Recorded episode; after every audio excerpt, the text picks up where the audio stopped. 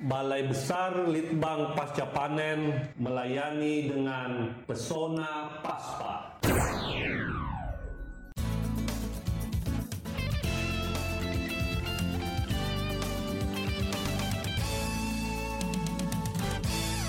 Assalamualaikum warahmatullahi wabarakatuh. Kembali bersama Dani Medio di podcast Pesona Paspa. Kayaknya kita udah kangen banget nih ngomongin tentang pasca panen bersama peneliti-peneliti dari Balai Besar Pasca Panen Badan Litbang Pertanian. Kali ini saya ketemu dengan seorang peneliti, Maulida Hayuning Tias, STP MSI. Assalamualaikum. Waalaikumsalam. Mbak Tia? Pak. Betul. Saya Iya. manggilnya Tia aja ya. Iya. Padahal Hayuning Tias ya, Maulida Hayuning Tias STP MSI. Teteh atau ibu atau mbak nih? Enaknya Pak Dani deh. Oke, Semua bisa. oke, aku manggilnya mbak ya. Oke Mbak Tia. Mbak Tia ini kan eh, peneliti di Balai Besar Pasca Panen Badan Litbang Pertanian ya. Betul. Saya pengen dulu tuh pernah ngebahas ada namanya tepung telur. Tapi tepung telur. Betul. Tapi ini saya lihat Mbak Tia ini mau ngebahas tentang tepung telur asin. Iya, Pak. Itu kayak kok udah telur asin mau dibikin tepung lagi. Ceritain dong, ceritain. Oh. Tapi kenalan dulu dong sama Boleh. sobat Pesona Paspa nih. Selamat siang. Nama saya Maulida Ining Tias, eh, peneliti di Balai Besar Pasca Panen. Biasa dipanggil Tia. Eh, Sekarang memang lagi eh, menangani penelitian telur asin ini, Pak. telur asin ya. Jadi sebenarnya Mm-mm. sebenarnya, sebenarnya Telur itik. telur telur itik yang Mm-mm. dibikin telur Jadi yang asin. dibuat telur asin. Ini kenapa jadi pengen bikin tepung juga tepung gitu? juga. Gimana ceritanya? Iya betul. Jadi memang eh, ini ada dari salah satu sentra, memang Oke. eh, sentra produksi telur. Nah di sini eh, melimpah telur itiknya gitu kan. Jadi Oh. melimpah telur itiknya, kemudian dibuat apa lagi ya ini telur itik gitu karena mereka mengalami titik kejenuhan karena prosesnya hanya satu telur asin aja Betul. gitu kan. Jadi Oh jadi ada satu daerah yang melimpah telur itiknya, kemudian dari permintaan atau keinginan dari masyarakat itu Iya. ingin membuat lebih dari telur asin. lebih dari gitu. telur asin karena setiap hari mereka nih. hanya telur asin aja buatnya. Ini menarik gitu banget ini. Terus terus terus dong terus. Terus jadinya eh, cari ke mana nih akhirnya ke pasca panen. Eh, Kira-kira Keren. selain telur asin bisa dibuat apa lagi ya telur itik ini gitu. Jadi kita coba untuk bisa bikin eh, inovasi lain. Wah, Bu Tia, kalau gitu eh, karena melimpahnya telur itik kemudian telur asin, Hmm. tapi sebelumnya Ibu Tia udah pernah memang memang ada eh, penelitian tentang eh, buat telur eh, tepung telur asin itu. Tepung telur asin belum pak. Memang dari awalnya yang, eh, Yang pada karena ini. disebutkan tadi ada Iya. tepung telur ayam. Ah, Nah di sini kita coba, tapi memang karena karakteristiknya beda, Mm-mm. ya memang ada ada perbedaan. Ada perlakuan ayam, yang beda ya, ada perlakuan beda. kemudian eh, pasti karakter dari telur itu sendiri kan pasti beda, Beda. kan. Terus eh, gimana eh, animo yang itu apa? Apakah setelah buat itu Mm-hmm. kemudian masyarakat tadi yang ingin membuat tepung telur asin Ya, seperti betul. apa?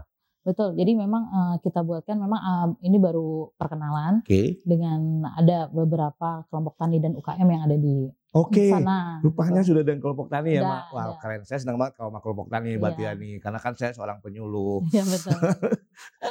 Jadi Terus, udah ada kelompok tani sama eh, nanti mungkin bisa ke UKM. Tapi yang pertama kali memang eh, kita ke kelompok taninya bahwa kita perkenalan ini loh Pak tepungnya hmm, dari eh, telur itik tuh bisa Oke. seperti ini jadinya gitu. Mereka surprise juga. Ini gimana caranya bisa jadi kayak gini nah, katanya gitu kan.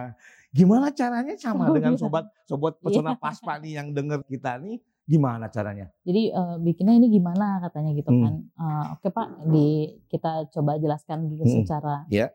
Umumnya bahwa memang kita kalau tepung telur itu kan mengeringkan ya, Ya. kurang dari eh, kadar airnya kurang dari Betul. 10% gitu kan. Nah di sini memang telur itik ini eh, ada dua. Kita coba yang eh, sudah banyak beredar di pasar adalah salted egg yolk. Waduh. Nah jadi itu tepung kuning telur, telur ya, asin. salted egg yolk ya. Nah, itu yang yang eh, sekarang mulai naik daun ya populer. Saya sempat Populer dengar tuh kalau di itu. hotel-hotel, Ya, di restoran betul. ya ada restoran, Oh. kafe gitu kan. Sekarang ah, menunya tuh pasti ada gurame telur asin, Ya betul betul. udang saus ah, telur asin, pasti itu. Oh, Nah, itu itu, ya. yang yang kita coba. Bukan Oh, telur bukan. dikasih garam bukan ya? Telur dikasih garam. Bukan, Enggak, jadi bukan ya. dari Jadi telur asin. dari telur asin itu. Dari Oke. telur asinnya. Jadi eh, kita eh, s- jadi telurnya telur itik itu diasinkan dulu memang. Oke, jadi memang betul eh, sobat pesona Iya. Tahap pertama adalah telur eh, itik itu dibikin telur asin, Asin dulu. dulu. Oke, terus Ah, setelah diasinkan kita lihat range waktunya. oke. Nah setelah itu baru dipisah dipanen tapi jadi telur asin mentah belum Oke, matang. belum belum direbus rebus. ya. Ah, ah, Jadi sudah rebus ya. diasinkan, betul. eh, tentunya asinnya itu biasa ya, seperti Di- bikin telur asin biasa ya. kita Seperti telur asin biasa. waktunya Waktunya berapa lama kan rata-rata 10 sampai 14 hari ya. berarti bukan bukan yang dibeli di yang di pasaran itu loh, sobat pesona Ya, mau dibikin. Jadi, bikin telur asinnya tapi belum direbus ya. belum belum ada. direbus ada. Nah, setelah itu, Jadi eh, jadi ada telur asin mentah. oke, Nah, telur, telur kita- asin mentah. Ya baru kita pisah kuning sama putihnya. Oke, dipisah Ya, telur eh, putihnya sama kuningnya. Kemudian betul. Kemudian baru kita eh, olah kuningnya. Ada tambahan di situ ada bahan pengisinya. Hmm. Bisa pakai krim nabati, malto untuk mana apa? Tekstur ya, untuk Hmm. nanti teksturnya. Kemudian dihaluskan Oke. ya, di oven oke, eh, 4 ya, 4 sampai 6 jam. di oven ya. Kemudian di oven baru bisa apa jadi tepung. Udah sih Pak. Wow, sebenarnya simpel banget ya. Simpel. Nah, Simpel. Sekarang saya mau nanya, itu kan tentunya bukan cuma satu dong, Apanya nih? bukan cuma satu telur ya. Oh iya. iya benar. itu kira-kira kalau mau kita ingin mendapatkan taruhlah ya, berarti kan nanti akhirnya jadi kering ya. Kalau Kering. kalau teman apa sobat pesona paspa, Betul. jadi itu kan ada proses pengeringan tadi ya. Mm-mm. Setelah dipisahkan kuningnya, kemudian eh, dikeringkan kering kan? dengan pencampuran kalau kita pakai krim nabati katanya ya, bisa pakai betul. krim. Itu Tambahannya. untuk tekstur ya, lebih Iya, lebih itu gunanya untuk ada teksturnya juga. Kemudian Oke. karena kan eh, ini apa ya? Ada ada penggumpalan apa segala macam. oke, Bisa jadi. Nah setelah dikeringkan. Nah kalau kita ingin mendapatkan satu kilo tepung atau setengah setengah kilo tepung itu butuh berapa telur kira-kira? setengah kilo tepung Yang yang biasa Oh. Mbak Tia bikin coba. yang dibuat itu sekitar dua dua kilo. Dua kilo Mm-mm. tep, eh, dua kilo Telur. telur, Itik. eh, itik. Eh, iya betul. Tapi telur itik dengan cangkang. Kalau tanpa Oke. cangkang sekitar ya berkurang 250 gram lah 1,7. Dapatnya berapa tepungnya? Itu jadi 600 600 gram. 600 gram. Lumayan ya setengah kilo lebih ya. Iya. Wow.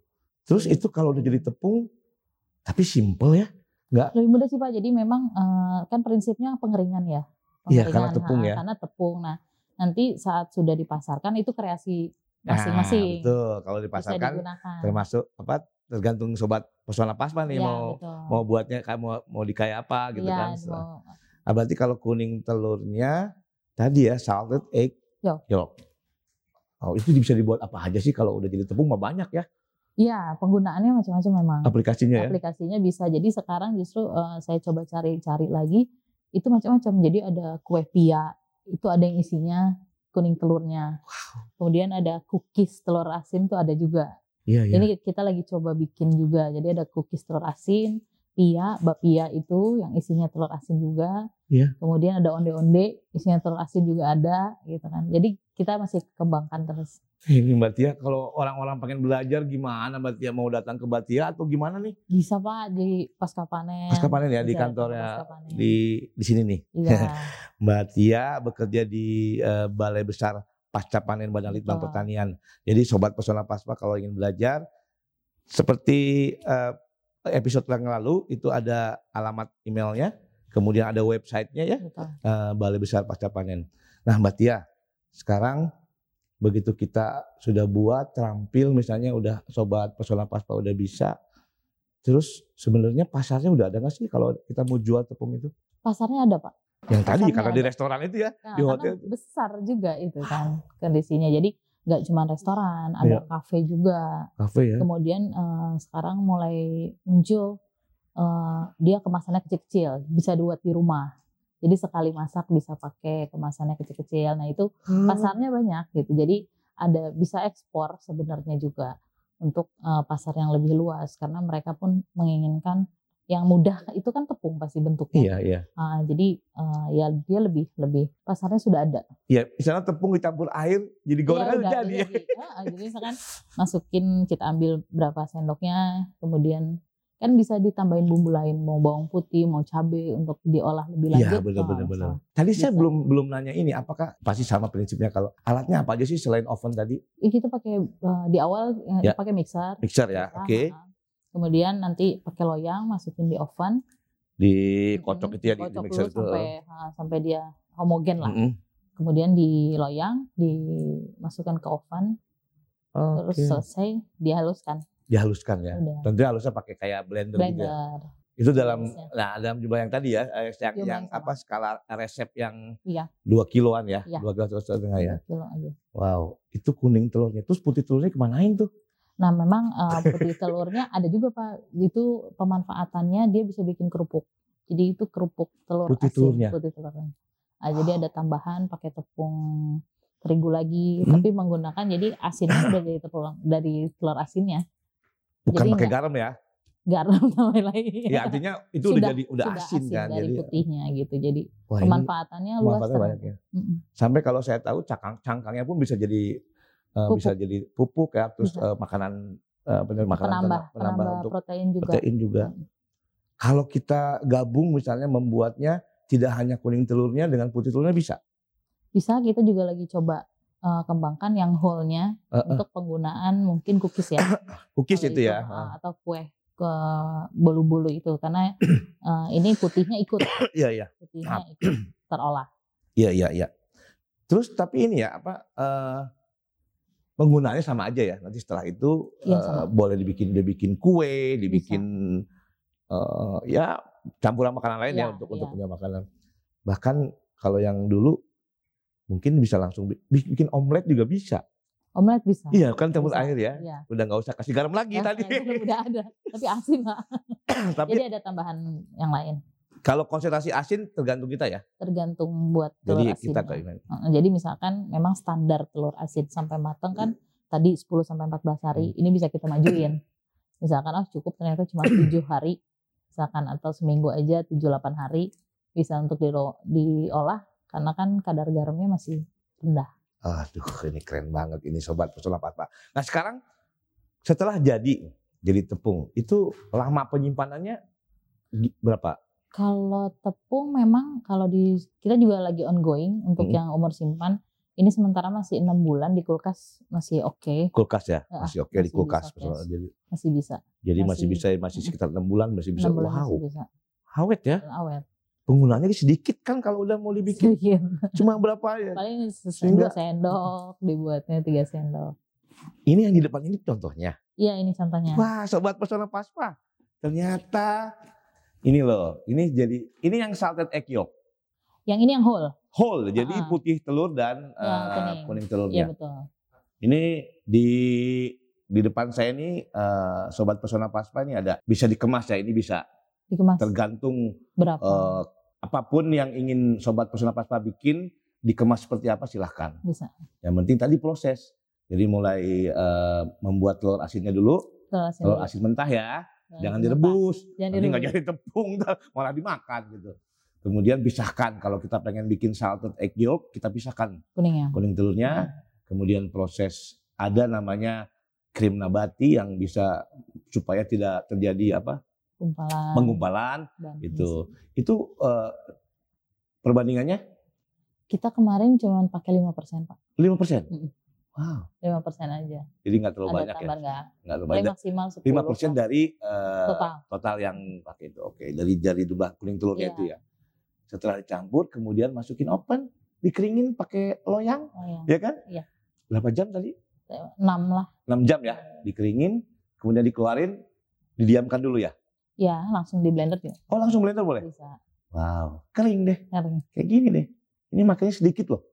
iya Jadi eh, sobat personal paspa saya udah megang tepungnya dan sebenarnya penggunaannya itu aplikasinya kering ya, apa sedikit ya, sedikit bisa tidak, jadi bisa awet. Dan sesuai penyimpanannya kalau di kulkas itu bisa sampai enam bulan. Terus kalau ada yang mau belajar, silakan datang ke Balai Besar Pasca Panen. total Berarti ya, boleh Iya. dong nomor teleponnya di share di sini. boleh pak Benar. benar Nanti kalau ada yang telepon terima ya. Oke. Silakan Mbak.